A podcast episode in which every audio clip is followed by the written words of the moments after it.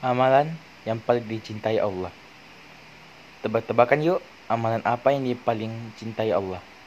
A. Sholat tahajud B. Puasa Semua C. Semua amalan dicintai Allah D. Istighfar E. La ilaha illallah Simpen jawabannya di benak kalian ya Lanjut ke, ke pembahasan Dari Aisyah radhiyallahu anha Rasulullah bersabda Amalan yang paling dicintai oleh Allah Ta'ala adalah amalan yang kontinu walaupun itu sedikit.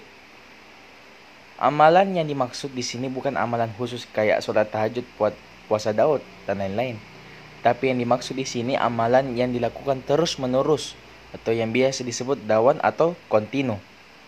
Walaupun amalan sederhana tetapi jika dilakukan terus-menerus akan menjadi amalan yang istimewa. Misal, kalau kita ngerjain sholat duha secara kontinu walaupun dua rakaat maka itu akan jadi amalan yang istimewa. Dibandingkan kita mengerjakan sholat duha delapan rakaat hanya sekali atau dua kali. Tapi ingat ya guys, kalau udah terbiasa banget, coba upgrade porsi amalan kalian. Misal yang, yang tadinya dua rakaat duha, sekarang jadi empat dan juga amalan lainnya, oke? Okay? Semoga bermanfaat.